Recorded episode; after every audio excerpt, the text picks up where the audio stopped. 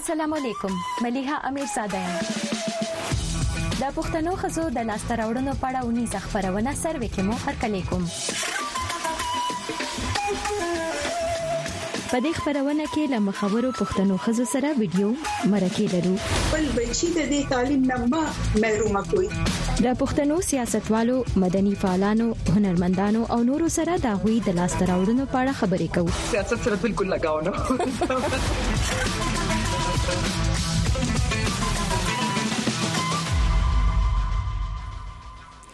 د مشال ریډیو اوریدونکو د فیسبوک او د یوټیوب باندې کتونکو السلام علیکم او ستړي مشه مليها امیر زاده ما په سروي هفتوار خبرونه کې مو هر کلی کوم امید کوم چې روغ جوړ او خوشاله به نن را سره په خبرونه کې ډاکټر ماهین خټک صاحب ملمنه ده ډاکټر ماهین له هغه ځانګړو ماشومان سره کار کوي چې ځانګړي پاملرنې ته ضرورت لري ډاکټر ماهین له autistic ماشومان سره کار کوي او خپل ژوند یې دغه کار ته وقف کړی دی هغه په پاکستان افغانستان کې د autistic ماشومانو د علاج یو ځانګړي مرکز لري او د پوهاوی لپاره کارونه کوي. نو موري له برتانیې نه د ماستري ډیګري اخیسته ده. نن په خبرونه کې د ډاکټر ماهین خټک د کار ژوند او کوششونو په اړه خبرې کوو. تاسو را سره په خبرونه کې ضرور ورخه واخلئ او د ملمنې نه سپوښتنې لرئ نو را سره شریک کړئ. اول لزان سره د مشال ریډیو د ټلیفون شمیره او د اسکایپ په تولیکه چي داستي د مشال ریډیو د ټلیفون شمیرې دی 0002221220115 02215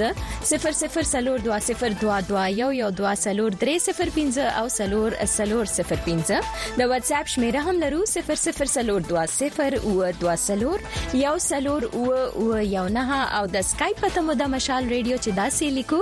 M A S H A A L R A D I O.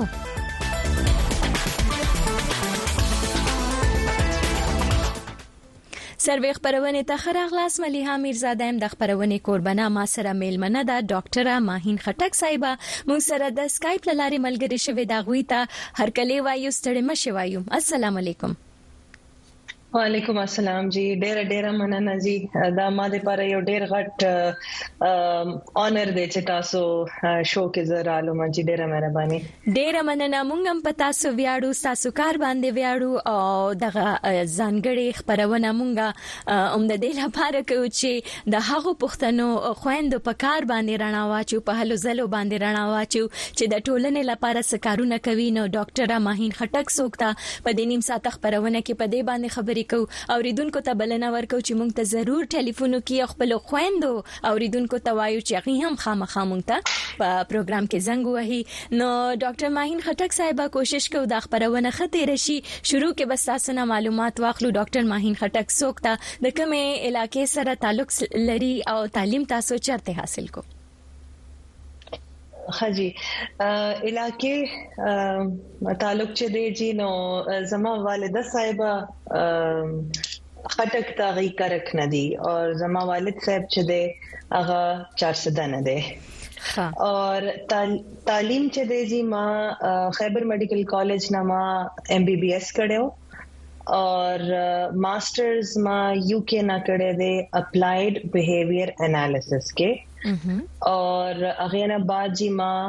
Board certification को चिकम तवई board certified behaviour analyst America ना بیا غینا بعد obviously بندا غواړي چې خپل د ډیګریز مخکې بوزینو بي سي بي اي دیتا وای دا چې کوم او تاسو یو بورډ سرټیفاید بیهیویر انالیست د سره qualified behaviour analyst हम जयम जी और international behaviour analyst हम माशाल्लाह और चूंकि زما شوق ها سوري لکه شانتي ک تشریح تاسو کې چې دا د سره تعلق ساتي د کمې پیشي سره تعلق ساتي دا سبق چې دی دا ځانګړي تور باندې په څه باندې توجه کوي ضرور جی اپلائیډ بیهیویر انالیسس جی اغه ساينس دی چې کوم ट्रीटमेंट और इलाज कई द ऑटिज्म बच्चों वाला ठीक शो दई बच्चों के चूंकि दमाविल applied behaviour analysis they know दई बच्चों के जी बिहेवियर्स तसे भी चिकम यो टिपिकली डेवलपिंग यो माशूम ची भी अगना लग डिफरेंटली फॉर एग्जांपल مثال دا دی چې کتا سیو بچی ته आवाज کوي خپل نام ورته وایي نو اب تاسو ته ګوري نه ام هغه به بیهیویرز بدسي چې کوم تاسو ته لګ ډیفرنٹ لګي نور بچونه د دې کې ریپټیټیو بیهیویرز وی لکه فار ایگزامپل زوین چې لکه د څه د لاس وځوم لګي ما کانستنټلی یا س وربلی یو شی بار بار وایم اور جی interesting خبره دا ده چې ټولو بچو کې یو پشان نه کم بچي یا ضروري نه چې هغه کم خبرې کوي هغه socially هغه کیسه کمې وي کم بچي هغه خبرې ډېرې زیاتې کوي خو صرف هغه behaviors او دا basically چې موږ د autism diagnosis هم کوو جی نو ډېر یو thin لکه وړو کې شانته line چې کوم باندې موږ دا split کو او جی د ټیک neurodevelopmental بچونه او یو autism بچینا جی نور ډېر technical field دی خدا دې چې چې کله دای بچو سره therapies کېږي applied behavior analysis په through ABA دیتا وایي جی او چې ورته speech therapy ملاويږي اور ان کیس کاغی کې څه سنسري ډیسټربنسز وي نو چې هغه ته اکیوپیشن تھراپي هم ملاويږي نو هغه بچي نیوروټیپیکل بچو په شانته رواني مطلب ډاکټر صاحب لکه تاسو مطلب دا دی چې دا هغه سبق دی دا پتا سو په هغه باندې توجه ده چې د هغه ماشومان سره کارو کې د غوي علاج کې چې د غوي پر رویه کې د نورو ماشومان نه غوي لګ بدلی په خبرو کې د غوي صلاحيت لک شانته کمی یا بدلی مختلفي نو تاسو هغه باندې توجه کوئ هغه علاج داسیو کې چې غوي بالکل د نور نارمل یا عادي چې کوم ماشومان داغي په شانتي جون کوي. نو ډاکټر صاحب په دې باندې خو خبرې کو اوټیسټک د توي ماشومان یا اوټیزم د باندې فکر کوم چې په پا پاکستان کې دومره پوها خلک پوهیږي او کنه خیر دا به زه تاسو نه تاسو کوم نو دې طرف ته تاسو پام او توجه څنګه راغله چې تاسو به د autistic ماشومان لپاره کار کوئ دا چې ډېر interesting خبره ده چې ما ته autism باره کې اسم نه وا پتا لکه زبر دا خبره یو ځل دوهراو کوم ما ته اسم نه وا پتا چې کله پورې زما خپل ماشومه چې د تقریبا 18 نه 22 میاشتو منځ کې مونږ امریکای کې وو اور التا د دې یو routine checkup کې چې کوم ته وایي wellness checkup هغه کې مونږ امریکای ته تلیو اور ماته یو کاغذ راکړل شو چې د دې number of words ولیکا نو چې ما جی کول نو هغه یو لکه چې زه تاسو ته یو example درکوم چې کوم obviously medically fact based دی چې یو دوه کالو ماشوموال چې دویمه birthday تر رسیدي سالګره دا غي ناول پکاري چې هغه سره 50 words وي نو obviously هغه ول هغه نه کم وږي نور هغه time چې مونږ ته دی ویل چې بای سم مسله ده نو چې زما life هغه ورځ نه پس change شو یعنی ما ته ته پتم نه autism څه دی لکه MBBS کې مونږه ویلې ده دا word مې ویلې ده خو صرف هغه حدا پورې چې word مې ویلې ده جی خو زما چې ماشومه ته autism مو جی نو ما خپل field change کو تاسو څه احساس چې تاسو ته کله پته ولګی دا بیا تاسو امریکا کې وای کنه نو تاسو دغه ماشومې تاسو د بچي تشخیص شو فرض کړه تاسو په پاکستان کې وای هغه شان به د دې د تشخیص کې دوه تاسو د بچي او بیا د مور په حیثیت باندې چې مور پلار چې د خپل ماشوم د لپاره هر څه ډیر خغواړي په تاسو ستیر شو او تاسو څنګه اراده وچی تاسو په کومه طریقه د هر څه بدلوي د خپل ماشوم لپاره ما خیال کې چې تاسو دا خبر هم کوي نو ما obviously هغه سترګې مې نم شوې خو او بخیر زمونږ دا مطلب نه دی خو لکه ما ته پته ده دا ډیر زړه ته نږدې دی یو مور چې کم احساس ته مونږ هم لرو او فکر کوم ډیر کتون کی او اوریدون کی به هم هغه احساس تاسو باندې پويږي نو تاسو باید او ویاړئ چې تاسو دومره کار کوئ او تاسو په کوششونو باندې سفرک به خامخا راغلي او جی obviously چې د سه سچويشن چې همیشه پیرنټس اول مور پلار اول د کې زی چې زنه منم کنه چې هغه denial stage چې ورته وینو لازمی خبره ده هغه او اور ما به بیا دای سوچ کو چې چې زما mother ډیره strong دا هغه مونږ لوی کړي نو همیشه به هغه به ویل چې د هر څه شی یو solution شته مطلب هر یو شی علاج شته جی بالکل حل شته نو بس تکلیف خو جی obviously ډیرو denial کې مزومه خو چې بیا الته جی امریکای کې تھراپي هغه دیواله شروع کړو د کې difference راتلل شروع شو نو مایل چې به تھراپي نه فرق پریوزي نو ټیک ته therapies ورته ورکو نور خو الله تعالی جی مرزي دا زه دا یقین لرم چې دا الله تعالی دا ماشومه ماته یو مقصد نه راکړی دا چې ما په وجه نور ماشومانو ته فائدہ ملاو شي نه دینه زیاته خبره ده نه وړه خبره ده بالکل بالکل همدا خبره ده چې تاسو یو مرکز چلوي تاسو په لاس باندې ډیر ماشومان دي چې هغه مستفید دي ګټه اخلي تاسو د علاج د مرکز نه ډاکټر ماهین خټک صاحب پای باندې خبرې کوو په فیسبوک باندې مونږ ته ډیر پیغامونه را لېګلې دي خلکو سلامونه دي فرید الله فریادي یو څو په کې زیات کم شاکر عاقب خان غوي سلام را لګلې دي مننه تاسو د ستاین لپاره قانوني وزیر دی د سعودي عرب نه محمد نور پښتين دی محمود وفا دی او عبد الولي دی واتس اپ نمبر چې دی هغه مونږ بالکل تاسو سره شریک کړی دی دا کوم پیغام چې تاسو په فیسبوک باندې ولې په دغه کې تاسو لوستل شي او نور داسې پیغامونه مونږ تر روان باندې جمیل امبل دومر او ساجد افریدي مینابت خان او شیر داوود دی ساحل نظام کاکر غوي کړي دي ګوهر علي دوران سلام کړي دي شيري خټک ډیره مننه رور جان تاسو د applied behavior ټول analysis هغه ټول هغه چې کوم ډاکټر صاحب تاسو تعریف وکړو تشریح کاغو دی په انګریزي ژبه کې لیکلي نو ډیره مننه ګل جبار خان دی جانان خان دی عمران ملنګ دی شمس الرحمن دی محمد علیم دی او حبیب الله د ټولو نمونه زه خستل غواړم خدا دې ډیره مننه چې تاسو حصہ اخلي پروګرام ګوري او څه پوښتنه لري د ډاکټر صاحبینا هغه خامخا تاسو مونږ ته ولیکې یا مونږ ته ټلیفون وکړئ نو مونږ به د ډاکټر صاحب سره پای باندې خبرې کوو. نو جی ډاکټر ماهین خټک صاحب تاسو وی چې تاسو جون بدل شو تاسو اراده وکړه چې کله تاسو خپل بچی چې د تاسو معلومه شو چې دا تشخیص شو د اوټیزم پکې نو تاسو اراده وکړه چې تاسو صحیح لپاره کار کوئ هغه کار اوس تاسو کم حد پورې رسیدلې دي کدا غي لک شانته مونږ ته وایي تاسو مرکز چلوي هغه ضرور شرط چلوي جی جی جی 2019 نا زما سنټر سٹارټ شو د اوټیزم جول پنامه نے پېښور کې और 2019 से लेकर खैर सर उस पूरे जी मुंगा जवाबम چې هندرډز اف بچو تھراپی زموږه کړې دي ډیر زیات بچیم په کې ریهابیلیټیټ کړې دي لکه چې د څه شوی دي چې غي بچي او سکولونو ته دي ټیپیکل خپل ژوندګیانه تیرې لګیا دي جی اور اس پر جی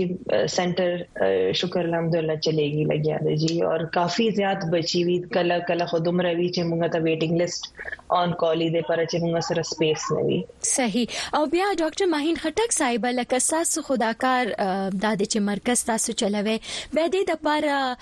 ماهرین اغوي ساتل او غوي په کار ګمارل آیا پای کې تاسو په دې کې ستونزه څه چیلنجونه و چې کله تاسو دا مرکز شروع کو شروع کې تاسو چې تاسو تم نه پتا چې اوټیزم څه ته وي نو هغه څه چیلنجونه چې تاسو به خامخا ذکر کول غواړئ ضرور جی د څه وشو چې چونکه ز کله رالم د autism اور applied behavior analysis تا نو ز پہلا registered behavior technician وما د KP والا لکه پہلا کسومه ز چې اور registered behavior technician هغه بندای چې څوک applied behavior analysis direct therapy کوي بچو سره جی نو چونکه زه اولم اور دا center جوړ شو مکما جوړ کو نو جی ما سره سایکولوژیست او خو اغه ته اپلایډ بیهیویر انالیسس والا اس ایډیا نو اغه هر طریقې سره ټرین کول لاس نیولې چې دا بچی سره به تھراپي د څه کېږي د دې دا وجہ د چې تاسو دا ولې کوي لګي ا هر سجی ما چیلنج لکه تکلیفات خو تکلیفات د څه بو چې موږ center سلور بچو سره جي شروع شوو اور ما به ویل چې زدا therapist څنګه پوي کما د نوي ساينس باندې خو الله تعالی جی ډېر کرم زما چې کوم supervisor وا استرالیا کې وا جاکلین اغه نام دی او اغه چې څنګه موږ ته support راکړې او جی نو ځکه کله ویم چې زم اغه سي supervisor جوړ شم چې څنګه اغه یو ډېر مینه سره او ډېر ښه طریقې سره جی. اغه لازمی خبره زبهم پویالما programs بجی اغه جوړل دی بچو سره زلک تاسو ته واضح واضح دا خبره کم چې زه خو به بچی سره کار کوم. خو programs به ما سره وي د دې example دا دی چې زه for example بچیتا وایم چې تداوکا دا یو example دی ٹھیک شو نو بچي ما دغه سي imitate کړي ا glasses به اوچت کی اور وا بچي نو جی دا شی یو فرق طریقه دا بچي بچي باندې کول ولا لکه تاسو بچي ته وای چې دا وکا اخو نه کوي هغه کې خدا مسله دا هغه imitation skills هغه down دي نو جی هغه time سره چې کله شزه شروع شو نو دا ډیر زیات تکلیفات به موږ ویل ښا دا programs موږ وکړل. اوس مخکې به څنګه کوو؟ نو اوب جی زما استرالیا کې چې supervisor واغې به موږ سره لکه 24/7 به حاضر وا خو جی بیا ماته بدای feel کېدل دا چې مشکلات خبره وا ما به همیشه دا ویل چې خزه به همیشه یو supervisor باندې به dependent یم. لکه هغه باندې به زما هغه چې مثال تور په هغه بیمار شو کا هغه نه چرته لاړ شي نو زما بچي بس کوي زما خو دلته سلور بچي ما enroll کړی دي د دې programs به څوک update کوي بیا جی دا شو زما family زما husband زما mother دای ما ته ویل چې ته ولې نه کې او دیکھې جی زما last زما یو بل supervisor د چکم دبي نه راغلی و کراچي کې establish دا غي نام دی madam فایزا فایزا بھمانی اغه ما ته یو ورځ ویل ویل ته لکه انګریزي کې موږ هغه supervision session ماته وی why don't you become a BCBA board certified behavior analyst چې کوم هغه خپل وا نو ما ورته madam زه نو ماته او ولې نه مې کې بیا ما سره خو دې field masters نشته ماته ویل وکا نو جی اغه تاسو به منئ جی اغه دوا کال د سه وو چې زما life بالکل بالکل change شو بدل شو نو ما جی masters هم وشو UK نه applied behavior analysis کې ما تاسو کې تګو یو کې تا خو چې کرونا رالو نو به هر څه آنلاین شو او او جی مونږه جی جی. ډاکټر ماهین صاحب او بخیر تاسو خبره جاری ساتل خو ډاکټر ماهین چې کله BCBA شوا certified لکه کم چې تاسو وایي چې د دې د علاج لپاره ضروری دي تاسو supervisor و د استرالیا نه دغه شانت د نورو ملکونو نه. نو هغه بیا نور چې دي د مشرانو په مشوره تاسو دغه دکړه وکړه. څه فرق راغی؟ هغه ډاکټر ماهین چې مخکې و د دې ذکر نه پس فرق راغی؟ بیا تاسو ژوند کې څه فرق راغی؟ آیا تاسو هغه زده کړې هغه تجربه سګټه اورسول تاسو په خپل کور کې دننه او بیا تاسو په دې مرکز کې هم او جی ماشاءالله جی چې ما ته بیا پتا و چې اوس دا بچي یا زما ماشومه دې پر ما دې پر خدا بچي خپل ماشومه نه فرق نه دیږي چې دې بچو کې هغه عکس ګورم چې کم زما لور کې دیږي نور هغه نه دومره فرق رالو جی چې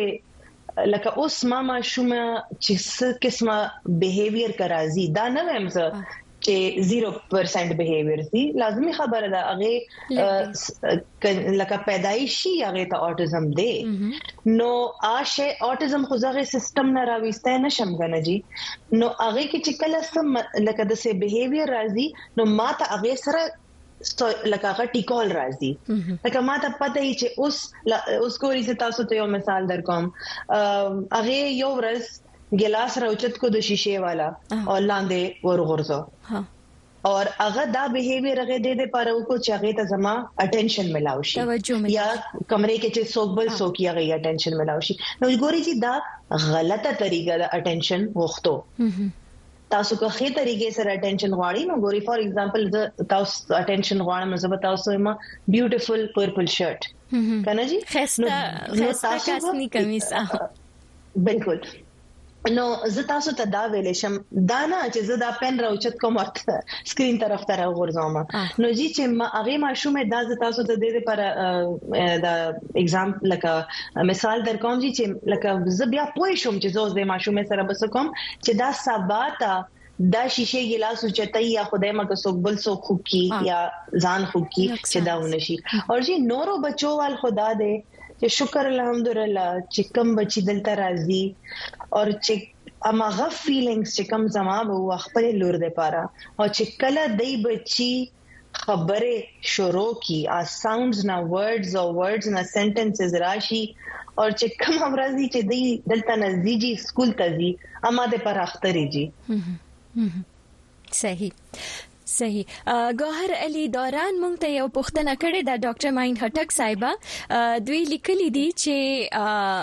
اوټیزم باندې اخته ماشومان په کوم عمر کې په دې ستونزې اخته کیږي؟ یعنی تر کوم عمر کې دا ستونزه شروع کیږي او په کوم عمر باندې ختميږي نو کله دوی دا پوښتنه تاسو جواب کې ضرور جی. جی ګوري چې کله دیتا وای ADOS دا چې کوم اوټیزم تشخیص کولو والا gold standard دی لکه دینه برا اوټیزم تشخیص لپاره بل څه شي نشته غیته وی جی ADOS 2 هغه مطابق تاسو د بچو ته چکم دا toddlers وی واړه بچی وی تاسو بالکل جی تاسو جی 12 نه 18 مهینه نه تاسو پتا کوي شي اور هغه د پاره یو شی دی یو tool دی ټولو نخ reliable ا د ADOS 2 ا د عمر نه سٹارټ کیږي 12 نه 18 مہینے نه لیکر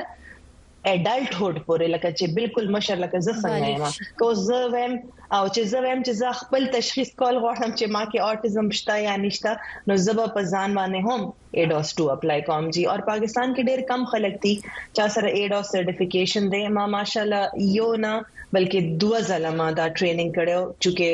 دا ډېر technical شانته شې دی نو ما غوښتل چې زما پکې perfection راشي او زه پکې confident یم چې زه ADOS کوي شم نو ما University of California او Children Hospital of Philadelphia دواړو نه کړې دي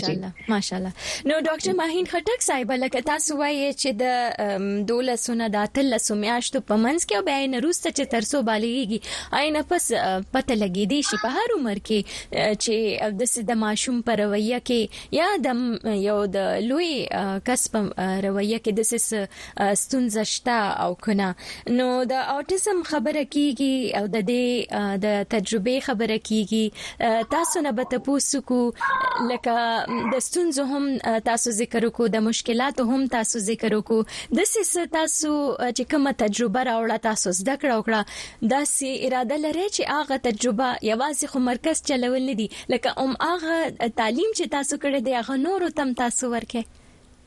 او جی بالکل بالکل د سده جی چې چې د بندا یوزل بي سي بي اي جوړ شي یا انټرنیشنل بیهیویر انالیست جوړ شي یا کوالیفاید بیهیویر انالیست جوړ شي نو تاسو مخکې ټریننګ ورکوي شي او زماجی ټریننګز راځي کال کې 2000 درېزل چې سرنګي موږ سره سټوډنټس کینډیډیټس جمع شي نو چې د دې په دومره نه ده کنه جی نو موږ هی د په مخکې وباسو لګیایو او نو بیا زما ټریننګ زیږي هغه کې راځي سټوډنټس راځي کینی سایکولوژیست سي پیرنټس سي هغه تمغه دا ټریننګ ورکو دیتا وای انټرنیشنل بیهیویر تھراپیست ټریننګ اول بدا رجسٹرډ بیهیویر ټیکنیشن ټریننګ هو اوس امریکا بند کو امریکا صرف اور صرف سلور ملکونو کې کولاو دے امریکا کې برتانیہ کې کینیډا کې او استرالیا کې اغه نه علاوه نور ملکو کې registered behavior technician نشي جوړې ده خو انټرنیشنل بيهیوير تھراپیست جوړې ده شي نو trainings چې موږ کو هر time اور on go هر time لګې دلی وی جی صحیح صحیح سید انیس موږ ته message کړی دی ډاکټر صاحب په فیسبوک باندې او تاسو د کار ډیر استاینه کوي هغه په انګریزي کې لیکلي دي چې ډاکټر ماهین د پیښور او د خیبر پښتونخوا لپاره یو blessing یا یو نعمت دی او خدای پاک چې دی هغه په کارونو کې د نور برکت واچي. Autism جول family دوی وی چې دغه ساسو مرکز چې دی هغه ډیر استاینه کړی دا دوی وی چې د چا هم ستونزې نه دوی الته ورتلی شي د ماشومان علاج کولی شي. ډاکټر صاحب د دې پروګرام په ذریعہ تاسو په ټولو اوریدونکو او کتونکو ته یو پیغام کو ورکول غواړي د ماشومان په حواله. نو هغه بسې وی لکه څنګه دوی کولی شي چې ماشومان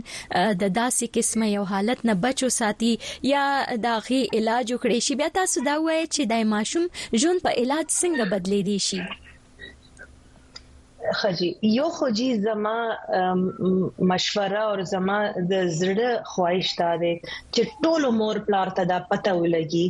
چې څومره زر تاسو ته پته ولګي چې زما بچی کې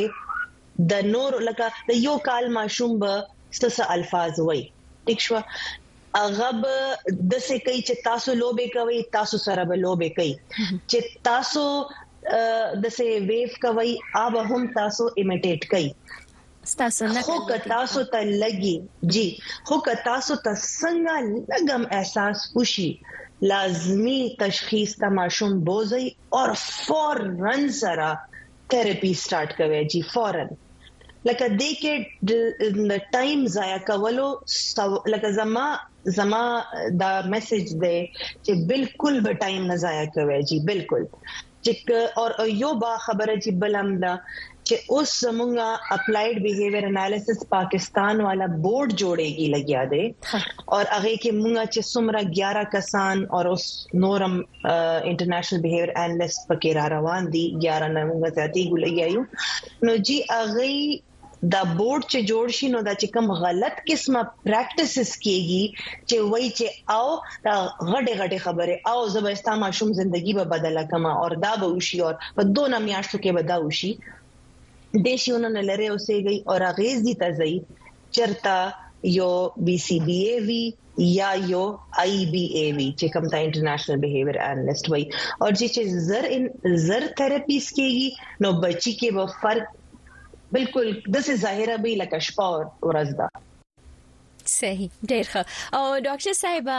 زمونږ پښتنې خويندې چې تاسو اوري او ګوري هغه ته لپاره بس تاسو سم مشورې یا هغه کولی شي چې تاسو په شان مخه تراشي او تاسو په شان کارونه کوي د ټولنې لپاره. څنګه دوی پیاوړي اوسې دي شي؟ څنګه دوی کوي اوسې دي شي بالکل جی کویشي ګوري چې اپلایډ بیهیویر انالیسز والا ټریننګز دی کزه مونږه ټریننګ دی موست موست ویلکم مونږه بتاسو ویلکم کو چې راشي مدرس او مونږه غواړو دا چې موریانې راځي دی پر چې زیات ټایم موریانې بچو سره ته رہی جی مور اور پلار بچو سره ته رہی نو هغه مونږه trainings ته خو لازمي راتلې شي خو چې کوم online ABA parent training دیتا وایي ABA parent trainings. چې څومره هم دي خخ دا غي reviews هم لیکلي وي هغه چې خ trainings دي جی هغه د ضرور attend کړي هغه نه بدای ته ډیره فائدہ وشي خپل بچو سره به help کوي شي صحیح ډیره ډیره مننه ډاکټر ماهین خټک صاحب تاسو سره خبرو ډیر خوند کو د پروګرام کې ډیر کم وخت پاتې دي خواهش مو چې نور خبره مو هم کړې وي خو بیا هم ډیر خوند کو تاسو ته په مستقبل کې ډیره کامیابی غواړو او کور مو ډیره مهرباني شي مننه د مشال ریډیو وعلیکم السلام۔ د مشال ریډیو اوریدونکو د فیسبوک او د یوټیوب باندې غتونکو دا ودنن لپاره سروي خبرونه چې پکې مو د ډاکټر ماهین خټک صاحب سره خبرې کولې. ډاکټر ماهین خټک صاحب د autistic ماشومان سره کار کوي او د دې لپاره یو ځانګړي مرکز لري. موږ امید کوو چې نننې پروګرام به تاسو خوښ شي وي. پر راتلونکو هفتو کې به د نورو ملمنو سره خبرې کوو تر هغه د ځان خیال ساتئ. د الله پامان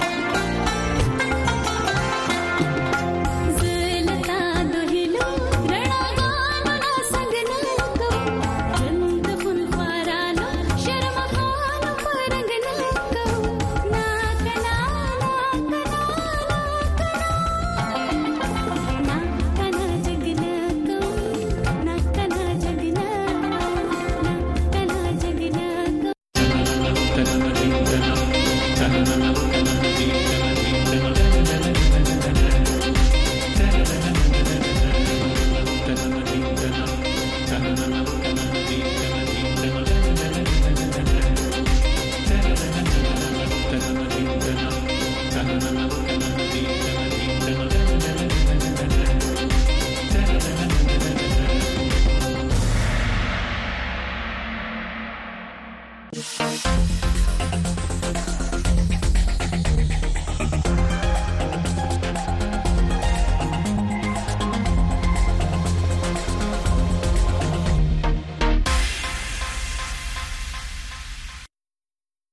و خوش آمدید.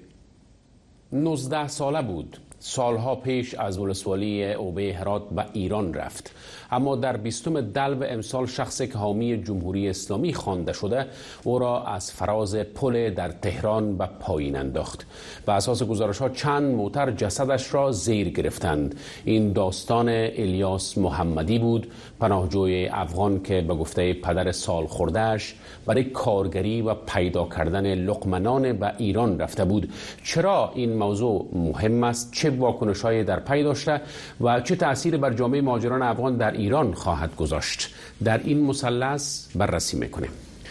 گپ می‌زنیم با مهران کریمی خبرنگار رادیو فردا بخش ایران رادیو اروپا آزاد رادیو آزادی و سید اشرف سادات که سالهای سال در بخش حقوق بشر در هرات همسایه ایران فعالیت کرده و اکنون در بیرون از افغانستان است. در شروع پدر الیاس محمدی عبدالرحمن از ولسوالی اوبه هرات در گفتگوی تلفنی به پرسش های فرشتنگاه خبرنگار رادیو آزادی پاسخ دادم. می‌بینیم و زود برمیگردیم. او یک نفر برای شهرداری کار می‌کرد. از, از پول پارک کرده بود خیابون. شما در کجا زندگی می‌کنین؟ بر شما کی گفتی گپه؟ اما با او با او بی با افغانستان زندگی می‌کنم. برار همینجا با پیشی با پیشی بود. الیاس محمدی چند ساله بود؟ چه وقت ایران رفته بود؟ 19 ساله بود. ایران 6 سال میشه ایران رفته بود. به خاطر چی؟ 6 سال می‌شد. واسطه غریبی واسطه یک لغمه نونی. برای شما از این اتفاق کی گفت؟ چه رقم خبر شدین؟ براری با ما زنگ زد. براری با ما زنگ زد. گفتن الیاس از از تیر از پول پرت کرده غذا کرده همینطور. من براری بیام خود جنازه هم که بیام با افغانستان حالی باز اون وکیل کردیم. ایران حالی امروز به تیران رسیده. جنازه الیاس به تیران بود در روز روز شنبه دیگه بیا بود به افغانستان که بازش کردیم. دوزده شو به تیران بود. این شنبه که گذشت باز شما دفنش کردین؟ آه ما با شنبه رفتیم به سر مرد. روز جمعه برفتیم سر مرد از شنبه. روز جمعه بود دوازده. یک دو بیته بود که جنازه بیا بود روز شنبه هم بزیر خاک کردیم. در کجا خاک کردین جنازه را؟ در کجا سپردین؟ با افغانستان بندی بینفش ولسوالی اومی بود و غریه بندی بینفش حالا قضیه رو شما می‌فهمین که چی گپ شده؟ نه قضیه اصلی قضیه همین براری خبر دارم خب مهران اصل ماجرا از چی قرار است؟ کی کی کجا؟ چی چطور؟ چرا؟ چگونه است؟ خب روزنامه همشهری که یک رسانه وابسته به شهرداری تهران هم هستش در گزارشی نوشته که قاتل الیاس محمدی شخصی که الیاس رو هل داده از بالای پل به پایین اعتراف کرده که فکر کرده که الیاس قصد داشته که پرچم های تبلیغاتی که برای دهه فجر در ایران برافراشته شده بوده روی پل رو بخواد بدزده و یا سرقتی انجام بدن و از ماشین پیاده میشه و خب می‌دونید دو روز مانده بوده به سالگرد انقلاب 57 که این اتفاق افتاده و پیاده میشه و الیاس رو حل میده. خودش گفته که من قصد کشتن الیاس رو نداشتم و درگیری شدیم و حلش دادم و الیاس پرت شدیم. و خب اولین بار 28 بهمن ماه یعنی فکر کنم بهمن ماه به دلف, دلف هستش بله. 28 بهمن ماه رسانه های ایران اشاره کردن که قاتل الیاس شخصی که الیاس رو هل داده به پایین پل دستگیر شده و از روی پلاک ماشینش پلیس جنایی تهران پیداش کردن. و خب روزنامه اعتمادم اخیرا گزارشی رو منتشر کرده و اشاره کرده که الیاس یکی از مهاجرین کشورهای همسایه بوده از یکی از کشورهای همسایه آمده بوده که این هم خودش سوال بله. برانگیز است اشاره هم حتی کرده در مورد زندگی الیاس اینکه الیاس روزها در میوه فروشی کار می‌کرده و شبها کار به صورت پاره وقت کار پاکبانی رو انجام می‌داده یعنی بزرگراه ها رو خیابان ها رو پاک می‌کردن و اشاره کرده حتی که در کانکس شهرداری شبها میخوابیده و یکی از نزدیکان الیاس هم به این روزنامه گفته کانکس شهرداری چیست؟ اگر کانکس اتاقک هایی هستن که بله بله اتاقک هایی هستن که شهرداری در اختیار پاکبان ها می‌گذاره که اگر جایی برای خوابیدن ندارن اونجا بخوان استراحت کنن و بخوابن. و این پاکبان ارچند واژه جالب است که شما استفاده می‌کنید در این روزنامه ها که من آمده. متا در افغانستان بیشتر بین مردم معمول است که مامور شاروالی یعنی در شاروالی یا شهرداری کار بله. می‌کرده محمد الیاس محمدی. بله بله. خب معمولا پاکبان ها وظیفهشون این هستش که خیابان ها رو تنظیف بکنن و زباله ها را معمولا جمع آوری بله. می‌کنن و از این قبیل و خیلی هم جوان سختکوشی بوده و خب که این متاسفانه این اتفاق افتاد. ولی خب مسئله ای که اینجا هستش خب یکی این که این اتفاق دو روز قبل از سالگرد انقلاب ایران اتفاق افتاده در سال 57 و خب قاتل شخصی که فردی که الیاس رو هل داده و درگیر میشه باهاش از حامیان حکومت بوده. و به نوعی میگن این مسئله بی تاثیر نبوده بر اینکه حکومت بخواد در مورد هویت الیاس پنهانکاری بکنه و حتی فشار بیاره بر رسانه ها که زیاد این خبر رو پوشش ندن. و الان نگرانی هایی وجود داره از اینکه خب چون این فردی که الیاس رو هل داده اونطور که خودش گفته حامی حکومت بوده آیا الان این شبه وجود داره؟ آیا معمور حکومتی بوده؟ اگر معمور حکومتی بوده آیا این مجازات خواهد شد؟ چگونه خواهد بود؟ و این نگرانی وجود داره. واکنش های زیادی هم داشته در بیشتر در مورد واکنش ها صحبت می‌کنیم. همونطور که خودت اشاره کردی مهران در روزنامه اعتماد خواندم که از قول علیرضا زاکانی شهردار تهران آمده که نقل قول می‌کنم شهرداری پیگیر حقوق پاکبان فوت شده است اما بیان ابعاد و جزئیات مرگ پاکبان از حوزه اختیارات ما خارج از پایان نقل قول. آیا دیگر مقام های ایران مقام های زیربط و زی صلاح هنوز چیزی گفتن در این مورد؟ چیزی که مشخصه اینه که تفره میرن بخوام به طور کلی توضیح بدم در مورد هویت الیاس. و تا اونجایی که من دنبال کرده بودم خبرها رو هنوز تایید نکردن که الیاس اهل کشور افغانستان بودن. که این خودش سوال برانگیزه. میشه که در این مورد از جناب سادات بیشتر بشنویم. خب جناب سادات نظر شما چیست در این مورد که یک موضوع حقوق بشری است؟ درود بر شما. ببینیم اگر شما در غرب افغانستان زندگی می کردیم شاهد همچین رویدادها بسیار زیاد بودیم. به خاطر که اکثر جنازه هایی که در همچین موارد اتفاق میفته از مسیر هرات به ولایت های مختلف انتقال داده میشه. متاسفانه سالها انیمی سریال سردرگم بر علیه مهاجران افغان بوده. حالا چی به شکل عمدی کسانی مثل حادثه اخیر کشته میشن. داستان طفل خردسال به نام ستایش. چند سال پیش شما دیدیم. و چی هم حرکت هایی که از سوی خود دولت ایران بر علیه ماجران همیشه انجام میشه و از تمام حقوق خود معروم میشن گرفتار میشن. و داستان بسیار تلخ که چند سال پیش شما دیدیم در سال 2020 تعداد به دریا انداختن و متاسفانه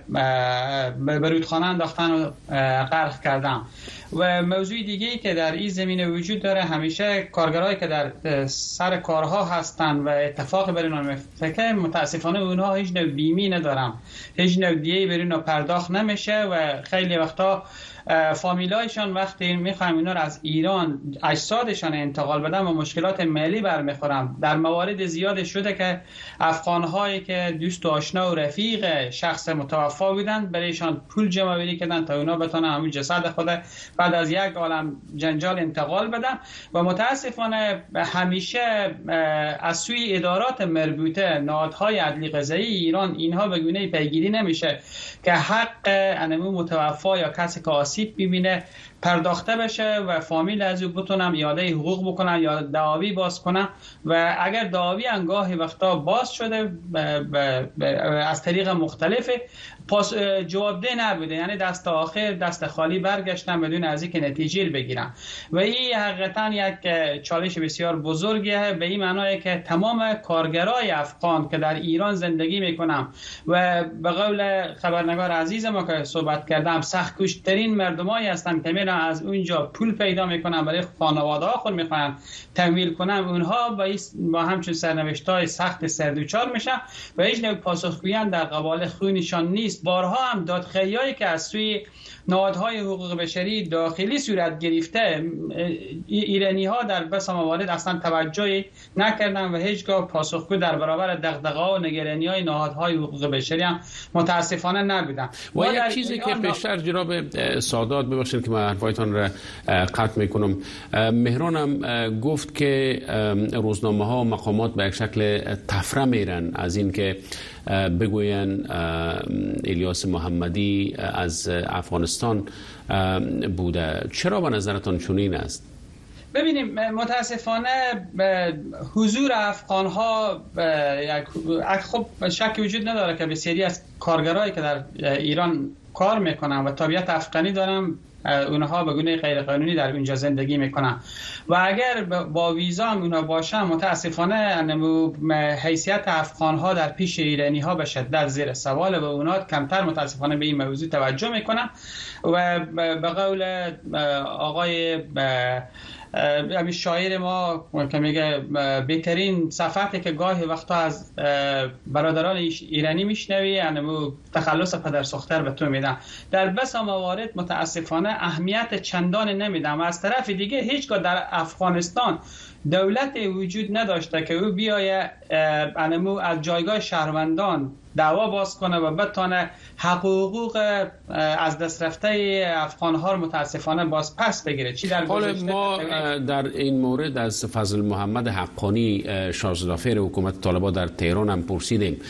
در پاسخ در واتساپ به اینکه جزئیات بده فشرده نوشته که می‌خوانم موضوع حقیقت داره سفارت افغانستان موضوع رو پیگیری می‌کنه. شما فکر می‌کنید طالبان واقعا بتانن که موضوع رو پیگیری بکنن؟ ببینید این یک ترفندی بوده که همیشه مسئولین افغانستانی در بس موارد اینا می بیان می‌کردن. چی در دولت گذشته و چی حال هم طالبا. حتی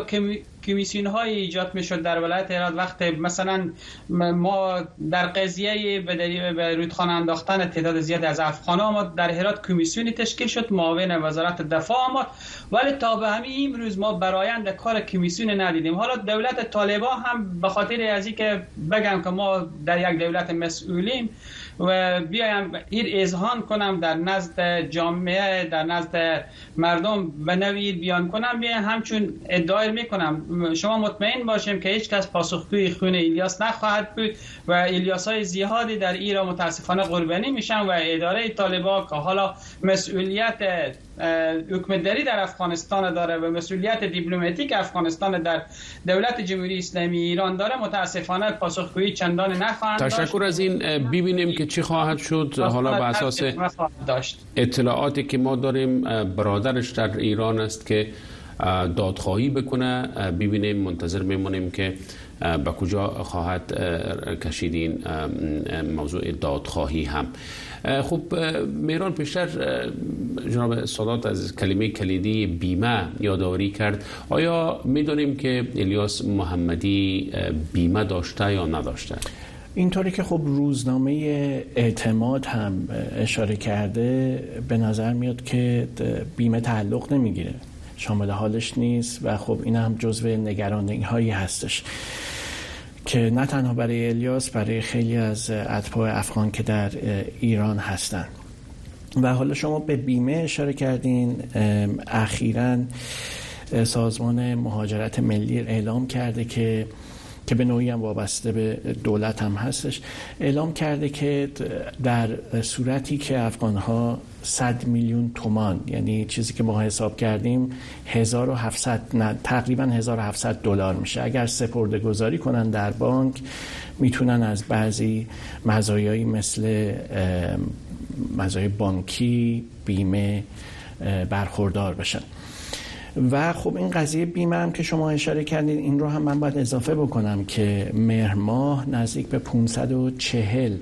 فعال مدنی و حقوق بشری و هنرمند در ایران بیانیه ای رو امضا کردن از داخل ایران و خارج از کشور که از مقامات ایران خواستن که حقوق افغان ها رو بهش رسیدگی بکنن مشکلاتی که دارن به دستمزد در این مورد بیشتر صحبت می‌کنیم مهران در ادامه این مثلث. حال از واکنش ها اگر به ما بگویی که این خبر کشته شدن الیاس محمدی چه واکنش هایی را در داخل و بیرون از ایران در پای داشت؟ بله خب ببینید الیاس محمدی همونطور که بهتون گفتم با توجه به صحبت هایی که قاتلش داشته این که گفته که من حامی حکومت بودم و از روی دلسوزی برای حکومت این کار رو انجام داده و اینکه دو روز قبل از سالگرد انقلاب این اتفاق افتاده. بسیاری اون رو بسیاری از چهره های سرشناس ایرانی این اتفاق رو یک قتل حکومتی ازش نام بردن. برای مثال شیرین عبادی برنده جایزه صلح نوبل اون رو تشبیه کرده به سرکوب و کشته شدن معترضان ایرانی. و از الیاس به عنوان یاد به عنوان یک معترض یاد کرده این که از خود ایرانی هاست و حکومت معترضان رو تاکید کرده که سرکوب می‌کنه. گوهر عشقی از مادران دادخواه که فرزندش ستار بهشتی 11 سال پیش زیر شکنجه ماموران امنیتی جونش رو از دست داد. علی خامنه ای رو مسئول این قتل دونسته. و خب به نوعی چون میگن این فردی که الیاس رو به پایین هل داده به احتمال خیلی زیاد اطلاعی نداشته که الیاس از اتباع افغانی بوده خب این یک نوع شاید قتل حکومتی باشه. این واکنش ها بوده و کلا اکثر کاربرای ایرانی هم در فضای مجازی تعداد خیلی زیادیشون محکوم کردن این اتفاق رو و حتی خواستار این شدن که پیگیری بشه و برخورد بشه با فردی که الیاس رو به پایین خل داده. خب جناب سادات درچند شما یادآوری کردین اما تا جایی که می‌بینیم مناسبات بین طالبان و جمهوری اسلامی پس از بازگشت طالبان به قدرت در بیش از دو سال گذشته ظاهرا دوستانه به نظر می‌رسه. آیا دو طرف با توجه به چیزهایی که گفتن که پیگیری می‌کنن و دنبال می‌کنن این قضیه را فکر می‌کنن اهمیت بدن به چنین رویدادهای؟ ببینیم بدون شک یک رابطه حسنه بین حاکمیت طالبان و دولت جمهوری اسلامی ایران وجود داره. ولی خب همیشه حاکمیت ها در افغانستان کشش کردن که از بعضی ملاحظات جدی که مسائل حقوقی مردم افغانستان بوده. به خاطر جلوگیری از تشنج بیشتر با کشورهای همسایه دست بکشم و به او متاسفانه توجهی نکنم. این داستان الیاس آخرین داستان نیست و اولین هم نیست. از شبیه به داستان داستانهای بسیار تلخ زیاد ما داشتیم. در زمانی که ما یک دولت انتخابی در افغانستان داشتیم و تمام ساختارهایی که می‌تونست پای نهادهای بین المللی به مسائل حقوقی بکشانه و دادخواهی کنه از حقوق افغانهای مهاجر در ایران و پاکستان در او زمان سکوت معناداری داشتن مسئولین ما. مسلما که طالبا هم چندان ارجی به مسائل قائل نمیشن به خاطری که ما گفتم اگر شما در هرات یا در زون غرب افغانستان زندگی کنیم روزانه شاهد انتقال چندین جسد از مرز اسلام قلعه از مرز میلک و نیمروز اینا هستیم که انمی افغانایی هستم که به سر کار کشته میشن و هیچ نوع بیمه کاری ندارن و هیچ حقوقی از طرف کارفرمایان خود دریافت نمی‌کنن و همچنان صدایی که فامیلایشان صدای دادخواهی که فامیلانشان انجام میدن به جای نمی‌رسه و اداره طالبان هم در ایران اداره دیپلماتیک طالبان در ایران از او ظرفیت دیپلماتیک بالای برخوردار نیست. همه بخشای شاید فعال نباشه بخشای حقوقی و که بتونم خانواده ایلیاس در رایزنی با اینها اما حق حقوقی که یک کسی می‌تونه از همچون مسئله دریافت کنه او به دست بیارم. پس با توجه به امو تجربه که شما دارین سالهای سال در همسایگی ایران در داخل افغانستان کارم کردین در بخش حقوق بشری با مهاجرین حتما یعنی در تماس هم بودین و اینها. خوب چه تاثیر می‌تونه داشته باشه این خبر بر زندگی جامعه مهاجرین افغان در ایران به نظرتان؟ ببینیم جامعه مهاجر افغانستان مجبور هستم تمام دردها و رنجها و مصیبتها رو تحمل کنم نان تحقیر پناهندگی بخورم و هر نوع فشاری هم که از سوی دولت ایران بالشان وارد اونا هم در برای خود داشته باشم تا لغمنان پیدا کنم و یا از نظر سیاسی اگر مشکلات داخل افغانستان دارم اونا بتونم یک پناهگاه داشته باشم. شما فشارهای روحی روانی بر مهاجرین افغان هر روز در ایران متاسفانه زیاد میشه هرچند که ما بسیار تشکر می‌کنیم از جامعه مدنی ایران که همیشه صدای مهاجران افغان در همه موارد بودم اما فشارهایی که اخیرا ایران بالای مهاجران وارد کرده از جمله بحثی که قبلا در بین شما و همکار شما مطرح شد. بس دریافت 100 میلیون تومن از هر فردی که سرپرست خانواده باشه و هر عضو خانواده که بیشتر از 18 سال عمر داشته باشه و یک داستان به شدت تکان دهنده است به خاطری که خیلی از افغان هایی که در ایران زندگی می‌کنن همچون پول ندارن. با واقعیت به شما بگم خیلی از جوان ها اگر 1700 دلار پول داشته باشن اونها در ایران کارگری نمی‌کنن. شاید اون اون پول در افغانستان یک تاکسی بخرم چرخی بگیرم با او به وسیله او کار کنن اما دولت جمهوری اسلامی ایران همین فشار رنگ گذاشته. امروز خود به هر در می‌زنم. دوستایی که در اروپا داریم چند روز پیش ما جلسه داشتیم. گفتم هر کدوم از اعضای فامیل ما هر روز با ما تماس می‌گیرن و از ما خواهش می‌کنم که راهی پیدا کنیم. همین پول برای ما فراهم کنیم که ما را از جمهوری اسلامی از خاک ایران ما رو بیرون نکنم بنابراین جامعه مهاجر افغانستان متاسفانه به خاطر مجبوریت به خاطر وضعیت بعدی که در افغانستان حاکمه. به خاطر فرار از فقر و گرسنگی مجبور این تنگ نهار بپذیره ولو که روزانه حقوقشان تلف شه و ایلیاسای زیادی را ما از دست بدیم. تشکر از این جناب سادات. خوب پس از بازگشت طالبا و قدرت در افغانستان در بیش از دو سال گذشته صدها هزار تن از افغانستان به ایران فرار کردند و در این حال ما گزارش های هم داشتیم که تعداد زیاد از ماجران اخراج هم شدند در این مدت زمان. پس از جار و جنجال بین تهران و طالبان عمدتا بر سر عقابه ایران از رود هیرمند شاهد افزایش فشار بر ماجران افغان در ایران بودیم و ما گزارش های زیاد هم داشتیم در این مورد از جمله موارد بازداشت و لطوکوب و بدرفتاری و همینطور ممنوعیت کار در برخی از مناطق. اما همونطور که پیشتر خودت به ایران اشاره کردی شاهد حمایت های هم بوده مسئول جامعه مدنی ایران از مهاجران افغان. اندکی در این مورد به مخاطبان ما بگو. بله همطور که پیشتر هم خدمتون گفتم تقریبا مهر ماه بود. میشه تقریبا شش ماه پیش که 540 فعال مدنی و هنرپیش و فعال فعالین سیاسی دقیقا به همین قضیه بیمه هم اشاره کردن به دستمزد پایین افغان ها در حوزه کشاورزی ساختمان اشاره کردن. و انتقادی هم که کردن از حکومت گفتن که خب ظرفیت بالایی در این مهاجرین افغان وجود داره که حتی می‌تونه به نفع اقتصاد ایران باشه. اگر سیاست گذاری درستی در قبال مهاجرین افغان صورت بگیره. و کلا خواستار این شدن که با تدوین قانونهای مدرن به روز شده مهاجرت به وضعیت افغانها رسیدگی کنن که بتونن مثل شهروندان دیگه که در ایران هستن از حقوق ابتدایی برخوردار باشن مثل تحصیل مثل بیمه کار بازنشستگی و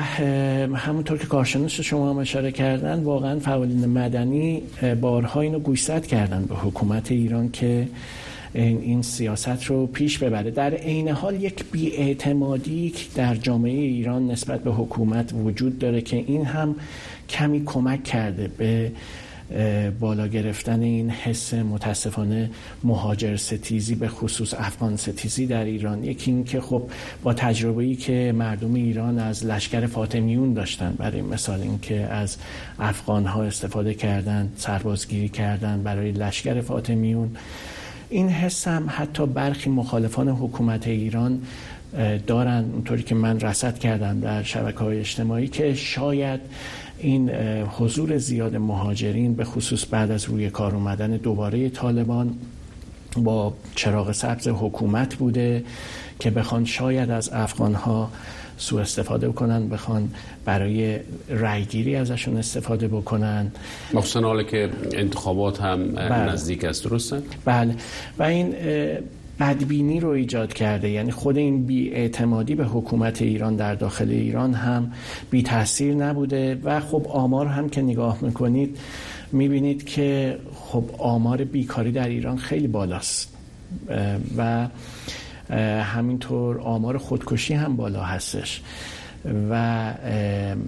تورم